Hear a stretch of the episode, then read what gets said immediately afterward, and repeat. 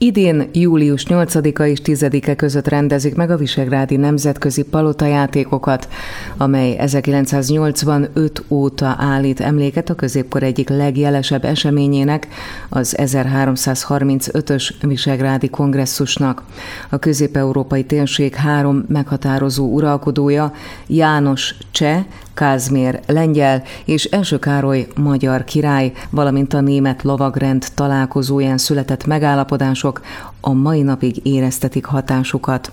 Nem véletlen, hogy 1991-ben a Visegrádi királyi palota falai között írták alá a Visegrádi Egyezményt, amely jelenleg V4 elnevezéssel segíti a közép-európai országok együttműködését.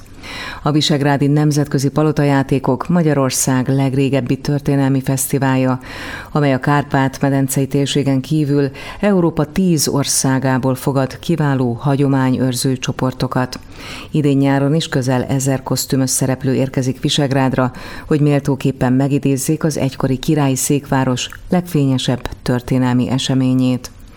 Három napon keresztül lovagi tornák, pompás királyi menet, esti fákjás felvonulás, vásár, koncertek és királyi borudvar várja az odalátogatókat, megidézve azt az utánozhatatlan középkori hangulatot, amelynek egyik hiteles helyszíne Visegrád az öt helyszínen, a lovagi tornapályán, a királyi palotában, a királyi borudvarban, a park színpadon és a Salamon toronyban reggeltől a késő esti órákig zajló programok kapcsán Cseke Lászlóval, a Visegrádi Nemzetközi Palotajátékok főszervezőjével beszélgettünk, többek között arról is, hogy milyen újításokkal jelentkezik az esemény sorozat idén nyáron. Az elmúlt 37 évnek az egyik legnagyobb fejlesztésén leszünk túl, reményünk szerint néhány napon belül, hiszen a palotjátékoknak mindig volt egy olyan fontos üzenete, hogy mi elsősorban ezt a látogatóknak csináljuk, a nézőknek csináljuk. És nyilván igyekszünk mind a programokkal, mind pedig azokkal a logisztikai eszközökkel maximálisan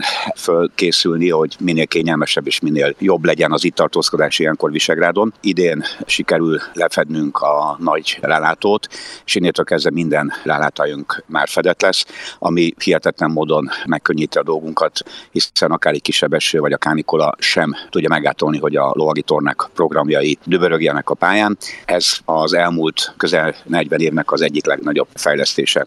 Valóban nagyon-nagyon sok helyszínen és nagyon változatos programokkal készülünk.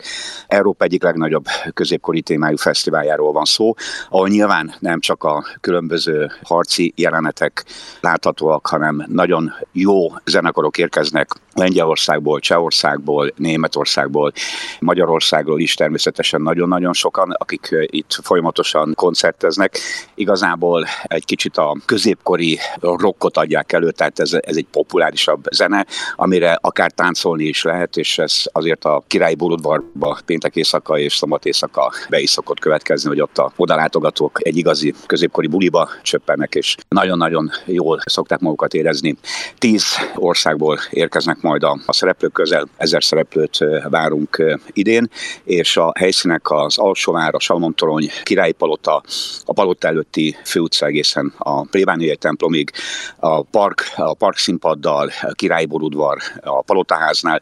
Itt ilyenkor Visegrád teljesen visszamegy a középkorba, és azért is fontos számunkra ez az idei, mert hogy ez egy nagyon fontos előkészület jövőre, hiszen 2023-ban lesz 700 év annak, hogy első Anzsú Károly magyar király Visegrádot tette a királyi székhelyét Temesváról, és hát erre egy még nagyobb szabású programmal készülünk, és itt most már azért lehet látni a jövő programnak néhány elemét, és egy igazi generációváltás történik most a palotájátékok esetében, hiszen most már megjelennek azok a fiatal csapatok, akik arra hivatottak, hogy leváltsák azokat, akik az eddigi négy évtizedben itt voltak. Természetesen mi sem gondoljuk, hogy távol fogunk maradni a rendezvénytől, de nagyon-nagyon jó látni, és nagyon szívmelegető, hogy akár a csapatok közül, akár a különböző bajvívó vagy zenekarok közül most már itt vannak azok a fiatalok, akik reményeink szerint a következő 20-30 évben meghatározó lesznek a palotáltékoknak. Számos generáció nőtt föl az elmúlt közel négy évtizedben, de a történelmi hagyományőrzés iránti rajongás úgy tűnik, hogy generációról generációra öröklődik.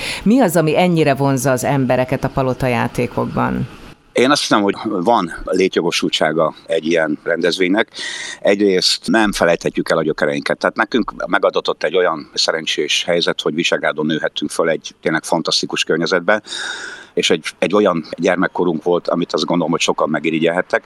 Persze már akkor is a palotában, meg a várban, meg az alsóvárban játszottunk, és magunk által készített fakar, meg í volt a kezünkbe, és aztán ez tovább fejlődött. Tehát mindig meg volt ez a fajta érdeklődés, és azt látjuk, hogy van egy, egy nagyon komoly réteg, akit kifejezetten kíváncsivá tesz a régi koroknak, akár mondjuk például a kézműves hagyományai, hiszen itt nagyon sok kézmes jelenik meg ilyenkor, nem csak a vásárban, hanem a királyi palotában is, itt a páncélkovástól kezdve a bőrösök, a különböző kelméket előállítók, tehát nagyon-nagyon sok színes látnivaló van, és ez az embereket azért én azt látom, hogy van egy olyan réteg, akit kifejezetten érdekel, és lenyűgöző. Nyilván a palotnátékoknak megvan a maga már hagyományosan kialakult látogatói köre, akik ezt szeretik, és, és ezért jönnek el minden évben Visegrádra, és annak is örülünk, hogy egyre több most már a környező országokból ide látogató.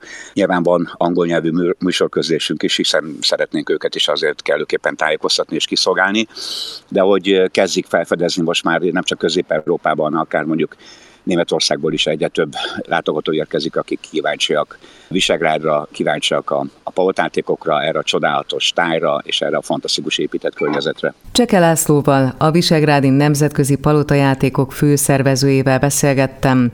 A palotajátékok idén, július 8-a és 10-e között vár mindenkit. Öt helyszínen, a Lovagi Tornapályán, a Királyi Palotában, a Királyi Borudvarban, a Parkszínpadon és a Salamon toronyban. Kedves hallgatóink, több száz programot